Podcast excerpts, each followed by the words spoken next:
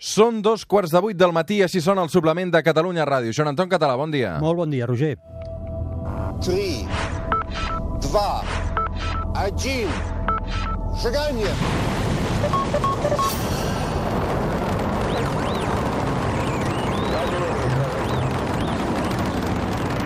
One small step for man, one giant leap for mankind.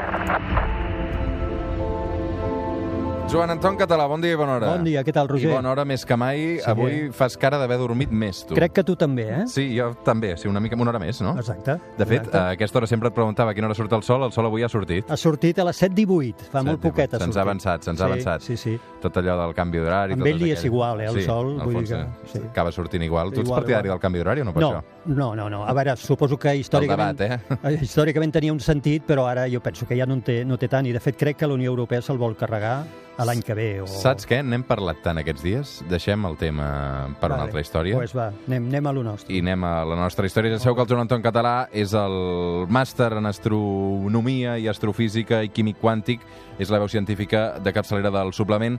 Cada dia a l'hora que surt el sol, de fet avui ja ha sortit, ens acompanya per mirar cap al cel. Jura'm que sempre que passi un cometa estarem junts. Jura'm que sempre que passi un cometa volarem lluny i ens en riurem de tot i de tothom. No tindrem por i quan mirem avall Joan Anton, avui per què parlem dels cometes? Mira, per dues raons. Una perquè, com veuràs, són fascinants, són objectes molt espectaculars. Però l'altra perquè eh, fa una setmana va haver una pluja d'estrelles no molt impressionant de les que hi ha al llarg de l'any, que són els Oriònids, que estan relacionades amb el cometa Halley. I vaig pensar que era un bon moment per parlar dels cometes i també eh, la, de la relació que hi ha entre les pluges de fugisseres i els cometes. Doncs va, per arrencar, com sempre, definim conceptes d'entrada. Què és un cometa? Mira, un cometa són objectes del sistema solar, per tant que orbiten al voltant del Sol i que són molt rics en components volàtils, vol dir gel d'aigua, gasos en estat eh, sòlid, perquè són objectes molt freds i molt poc agregats, vol dir que quan s'apropen al Sol i s'escalfen tenen tendència a deixar anar, a sublimar aquests gasos que estan liquats, que el formen i això és el que fa la cua aquesta famosa dels cometes. Per tant, la cua del cometa ve provocada per aquests casos, eh? Sí, però hem de saber que els cometes tenen dues cues. A La veure, gent, a veure, sí, a veure. la gent sempre pensa la cua del cometa. En realitat en tenen dues, que no sempre són igualment de fàcil de veure, les dues. Una és aquesta que jo he anomenat ara, és uh, la pols que surt del cometa quan s'expulsen gasos i s'escalfa quan arriba a prop del Sol. Aquesta cua de pols normalment està una mica corbada perquè segueix la forma de l'òrbita del cometa. Mhm. Però llavors hi ha una altra cua que la formen partícules elèctricament carregades que també es desprenen dels cometes i que en el vent solar les espitja eh, cap al darrere i forma una altra cua i aquesta és una cua que recta i apunta en direcció contrària al Sol, perquè és el Sol el que l'està, diríem, tirant cap al darrere, i són les dues cues del cometa, una formada per pols, l'altra formada el que anomenem per ions, que són partícules elèctricament carregades. D'on venen els cometes? Ho sabem, això? Sí, ho sabem bastant bé. A veure, hi ha diferents uh, orígens, però els dos més usuals és un, una zona del nostre sistema solar que n'anomenem uh, el cinturó de Kuiper, que és, per exemple, on orbita Plutó, entre altres, que és una zona molt, molt, molt extensa més enllà de l'òrbita de Neptú, plena d'objectes petits, mitjans, de totes les mides, que a vegades, per alguna pertorbació que hi ha, entren cap a dins del sistema solar i es converteixen amb cometes. Però hi ha una altra font encara molt més bèstia que aquesta i més llunyana que s'anomena el núvol d'Oort, Mm. que serien els confins en els límits del nostre sistema solar. Seria com la frontera entre el nostre sistema solar i l'espai exterior, que estaria habitat per trilions d'objectes de, de totes les mides, que són restes de eh, la formació del sistema solar i que, com deia abans, per alguna raó, alguna pertorbació, una estrella que passa propera, eh, la- l'acció d'un planeta, cauen cap a dins del sistema solar i en aquell moment es converteixen en cometes. Un cometa i un meteorit és el mateix o No, no? Ah. tècnicament un meteorit és qualsevol cosa que cau que toca terra. Si no toca terra no és un meteorit. Eh? Normalment tenen mides petites perquè... El, I, I no tenen cua, els meteorits? no, no, no, no, són trossos de roca, normalment són roques petitones que perden molta de la seva massa quan entren a l'atmosfera perquè es tornen incandescents, però algunes d'elles sobreviuen a aquest, a aquesta entrada i acaben tocant terra en forma de grans petits o de roques, algunes arriben a ser importants, i això és el que tècnicament anomenem meteorit. Uh -huh. I, I què vol dir que retornen els cometes? Com que, els pla... igual que un planeta que gira al voltant del Sol, els cometes també tenen una òrbita al voltant del Sol. Per tant, eh, és una òrbita periòdica, eh, passen pel voltant del Sol, giren i se'n van molt lluny. Són òrbites molt elongades, com un ou. I això n'anomenem cometes periòdics. No tots ho són, per això. Eh? Hi ha cometes, si vols ara en parlem, que, que no són periòdics, que només passen una vegada. Però en general molts dels cometes, com el Halley famós, passen moltes vegades. Són suïcides, els cometes? N'hi ha que sí. Ha Què que vol, dir, sí. què vol dir un cometa suïcida? Mira, doncs eh, n'hi ha cometes que cauen cap a dins del sistema solar, en aquestes òrbites que et deia molt, molt, molt elongades, molt elíptiques, que arriben a passar tan a prop del Sol que no aguanten l'escalfor de l'astre o no aguanten l'atracció gravitatòria i s'acaben trencant. De forma que els veus entrar, bueno, els veus, els telescopis, els veuen entrar, passar pel darrere del Sol, exacte, com això que ha sonat, passar pel darrere del Sol i a lo millor ja no tornen a sortir perquè se'ls ha passat al Sol o surten destrossats amb, amb fragments més petits. Avui a la Terra es plana, l'espai de ciència que encapçala el Joan Anton català, els cometes.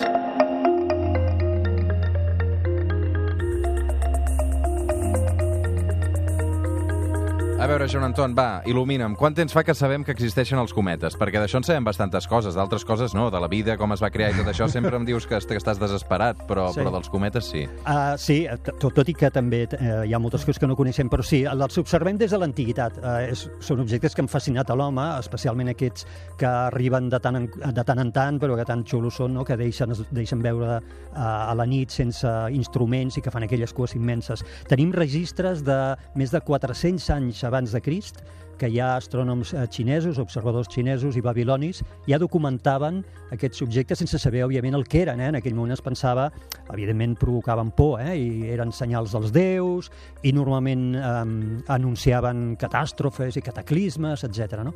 Però fixa't, fa molts, molts eh, anys que ho coneixem, milers d'anys que coneixem que existeixen. Um, què passa si s'acosen massa, si s'apropen massa a la Terra? És un perill. De fet, eh, igual com existeixen aquests cometes suïcides que et deia, eh, que s'apropen massa al Sol, si algun s'apropés mai massa a la Terra, eh, correria en perill, i no seria la primera vegada explosions com aquesta, o molt més bèsties que aquesta, la primera vegada que es produeixen a la història de la Terra. Algun cometa que s'apropa massa i que l'atracció gravitatò- gravitatòria de la Terra la, la trau tant que cau sobre el planeta. Estem parlant de fa molt temps enrere, entenc, no, aquí? Bueno, n'hi ha hagut moltes, sí. Per exemple, la més recent així, bèstia, bèstia, bèstia, estem parlant de fa uns 66 milions d'anys amb l'extinció dels dinosaures, que avui la teoria vigent diu que va ser un cometa d'aproximadament entre 5 i 10 quilòmetres que va extingir el 75%, tres quartes parts de les espècies vives de la Terra, poca broma.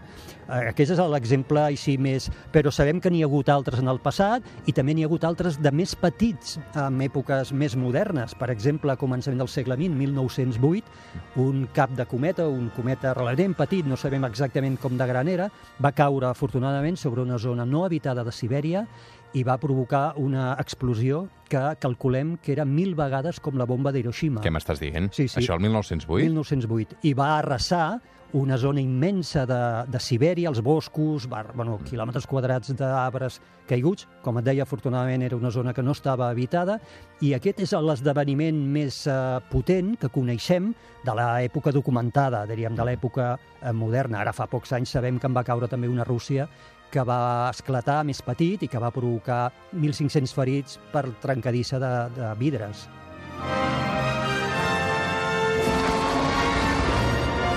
Clar, els dinosaures eh, potser no es van poder escapar dels cometes. Eh, nosaltres ho podem prevenir d'alguna manera, això? Sí, o què? a, a veure, po- poder-ho prevenir, sí. És, és divertit perquè hi ha pel·lícules de Hollywood d'aquestes tipus Armageddon o Deep Impact que et fan venir un objecte i, ai, mira, està venint. Afortunadament creiem que això no pot passar. Un objecte gran, avui tenim mm, tecnologia per detectar-lo amb molta antelació. L'altra qüestió és què fem, perquè, clar, el que no podem fer és apartar-nos. Eh, eh, L'hem d'intentar apartar amb ell. I aquí és on entren algunes de les tècniques que estan teoritzades, estan escrites en paper, però cap d'elles s'ha provat. I faríem bé algun dia en començar-les a provar.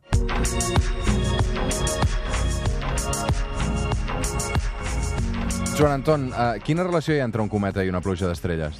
Moltíssima. De fet, les pluges d'estrelles eh, són eh, restes de cometes, també n'hi ha alguna d'asteroide, però el més habitual és que siguin restes de cometes, vol dir pols molt petita, fragments molt petits que el cometa ha deixat al darrere seu a la seva òrbita i que, per tant, aquells fragments queden orbitant, queden recorrent aquell camí, i la Terra, durant l'any, eh, tal com va circulant al voltant del Sol, hi ha dies que creua aquest antic pas d'un cometa. En aquell moment es produeixen eh, milers d'impactes de petits fragments que va deixar el cometa en allà contra l'atmosfera. Aquesta és l'explicació de per què eh, les pluges d'estrelles sempre es produeixen els mateixos dies o al voltant. Per tant, la més famosa, que segurament són les de les llàgrimes de Sant Sí. Llorenç, que això deu caure a mitjans d'estiu, no? a Sí, L'agost? sobre el 12, 13, 14 d'agost, sí, habitualment.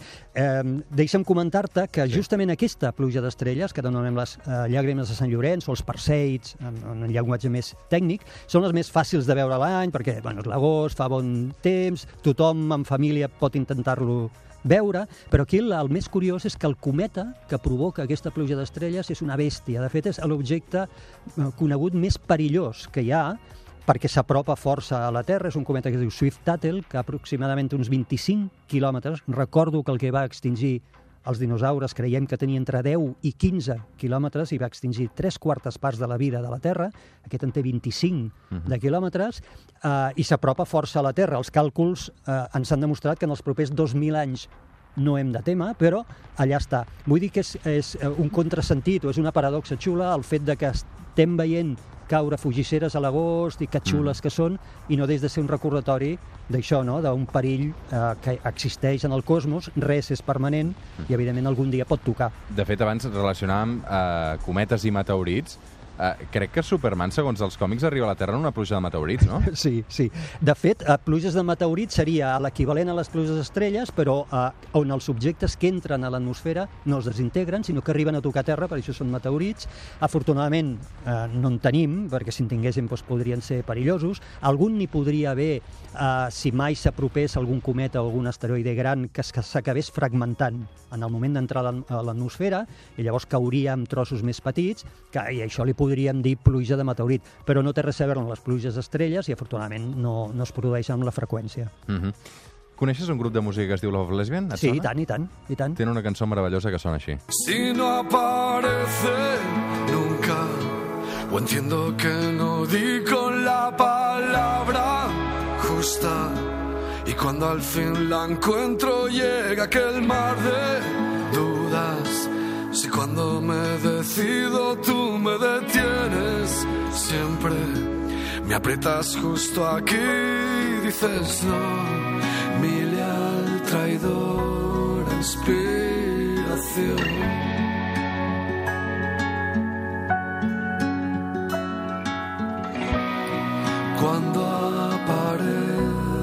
Menos El Santi Balmes, que és el líder de Love of Lesbian, sempre li encanta jugar amb les paraules. Uh, aquesta cançó es diu Poeta Halley. Uh, el cometa Halley, per, per què és el més famós de tots? Per què ens sentim tant a parlar i què té de particular? Val, és és uh, el més famós, com tu dius, i merescudament. Aquests registres antics que et deia que tenim ja parlen del Halley. Això ho hem sabut ara. En aquell moment ells no sabien que això era el Halley ni tan sols que era un cometa. Però estem parlant que hi ha registres d'aquest cometa que es remunten això 400 anys abans de Crist. És un cometa que retorna sempre, sembla que sempre, de moment, cada 20, 75 anys més o menys és el seu període aproximat, ha anat retornant, retornant a la Terra. Si calculem, per tant, en tota la història moderna de la civilització, imagina la de vegades que ha tornat i se l'ha documentat pràcticament sempre. Això el va convertir, l'ha convertit en el, en el cometa recurrent més important i que un astrònom britànic a començaments del segle VIII, un astrònom anomenat Halley, justament va ser el primer en calcular l'òrbita i donar-se en compte que aquest cometa era el mateix que s'havia estat documentant durant anys anteriors i va predir, va ser capaç de predir la propera aparició del cometa. Uh -huh. El seu nom ja ho diu tot. Halley és el nom de l'astrònom, però en llenguatge tècnic el seu nom és UP. La P vol dir de periòdic. U és el número 1 del catàleg. Per tant, és el príncep o el rei dels cometes. És el primer i és el més important, el que sempre retorna, el més espectacular segurament de tots. N'hi ha d'altres també coneguts o què? Sí, sí, sí, n'hi ha molts coneguts. Per exemple, fa uns anys vam tenir dos cometes que van ser molt notícia perquè es podien veure als vespres, als vespres o la matinada sense instruments. Un es diu Hale Bob, que va ser un cometa molt, molt, molt espectacular. El Yakutake, un altre cometa que va passar fa pocs anys, o relativament pocs anys, en, en cues eh, importants. I a Catalunya També n'hem tingut algun de visible amb els darrers anys. N'hi ha un que es diu Panstars, que es va poder veure al capvespre, també a ull nu, des, i fins i tot des de, des de les ciutats. Jo tinc fotografies d'aquest cometa, per exemple, des de Sant Cugat, des del mig de Sant Cugat, un parc de Sant Cugat. Vull dir que sí que normalment anem rebent eh, visites d'aquestes que malauradament no són freqüents, tan freqüents com voldríem, eh, sempre que passin suficientment lluny, diguem, perquè no caiguin, però eh, eh, no són el, el que voldríem que anés passant cada any, cada any, que poguéssim tenir aquests cometes tan espectaculars que es veuen. Quasi tots els descobrim en telescopis i els hem de mirar amb telescopis. Si jo demanés a aquest fantàstic col·laborador que és el Joan Anton Català una definició de cometa identitària, tu què, quina diré? Com, com definiries eh, a la, a, a, a la teva manera un cometa? Val, mira, jo sempre he dit que els cometes s'assemblen molt als gats amb dues qüestions. A veure, Una, que tenen cua. Ah. De fet, com que abans hem explicat que els cometes en tenen dos, aquesta és una forma de diferenciar-los dels gats, si no, igual no els podríem diferenciar. L'altra és que són igual d'impredictibles que els gats. amb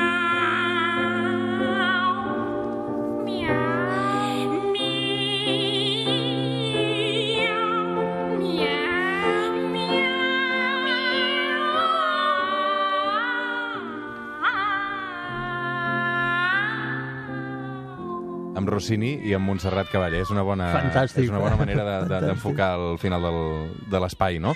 Um, Joan Anton, va, uh, coses d'actualitat que hem d'estar molt pendents uh, també aquesta setmana. De seguida et pregunto uh, què hi veurem al cel, eh? Però, Mhm. però abans, um, s'ha fet oficial, uh, ara ho comentàvem, el canvi d'hora uh, a la matinada. A més a més, aquesta setmana també l'Agència Espacial Europea i la JAXA japonesa van fer enlairar la setmana passada la Bepi Colombo a Mercuri. Correcte. Què vol dir això? Uh, molt. Fixa't, Mercuri, que està relativament a prop, pensem que tenim Venus entremig, però ja de seguida tenim Mercuri, curiosament és dels planetes menys explorats.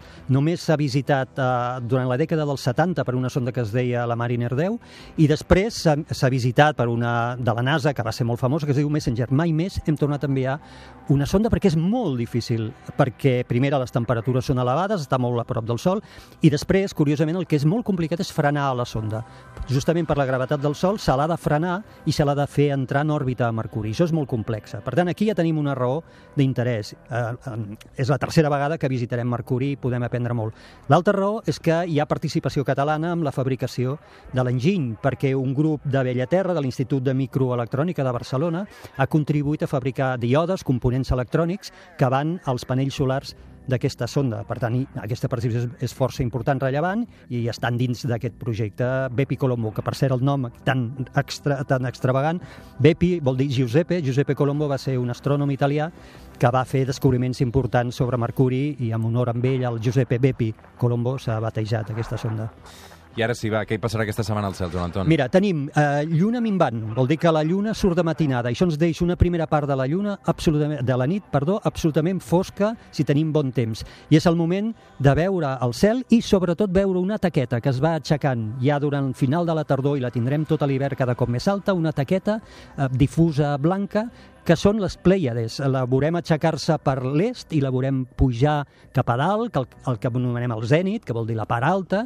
Només cal aixecar la vista i mirar una taqueta aquí al cel, direcció est, aixecant-se per l'est amb el pas de les hores. Però escolta'm, això és allò que ens promets que es veu i després no es veu res, o no? Eh, Roger, jo, Això ha passat més d'una vegada, Sí, eh? Aquí jo- després em poso a buscar Plutó, Mercuri, Mart, i no veig res que de res. jo penso que has de practicar més, més. eh, més quan em promets a sobre que és a ull nu, ja dic, bueno... Bueno, jo penso, primera cosa, que has de Has d'anar practicar... a l'oculista, saps? Perquè- Bueno, mira, has de practicar més, Roger. Només et puc dir, practica més i la segona recomanació surt en mi. A veure, surt en mi. Sí, això, això segur. Uh, un dia farem una sortida, un, Vinga. un dia no dormirem. Val.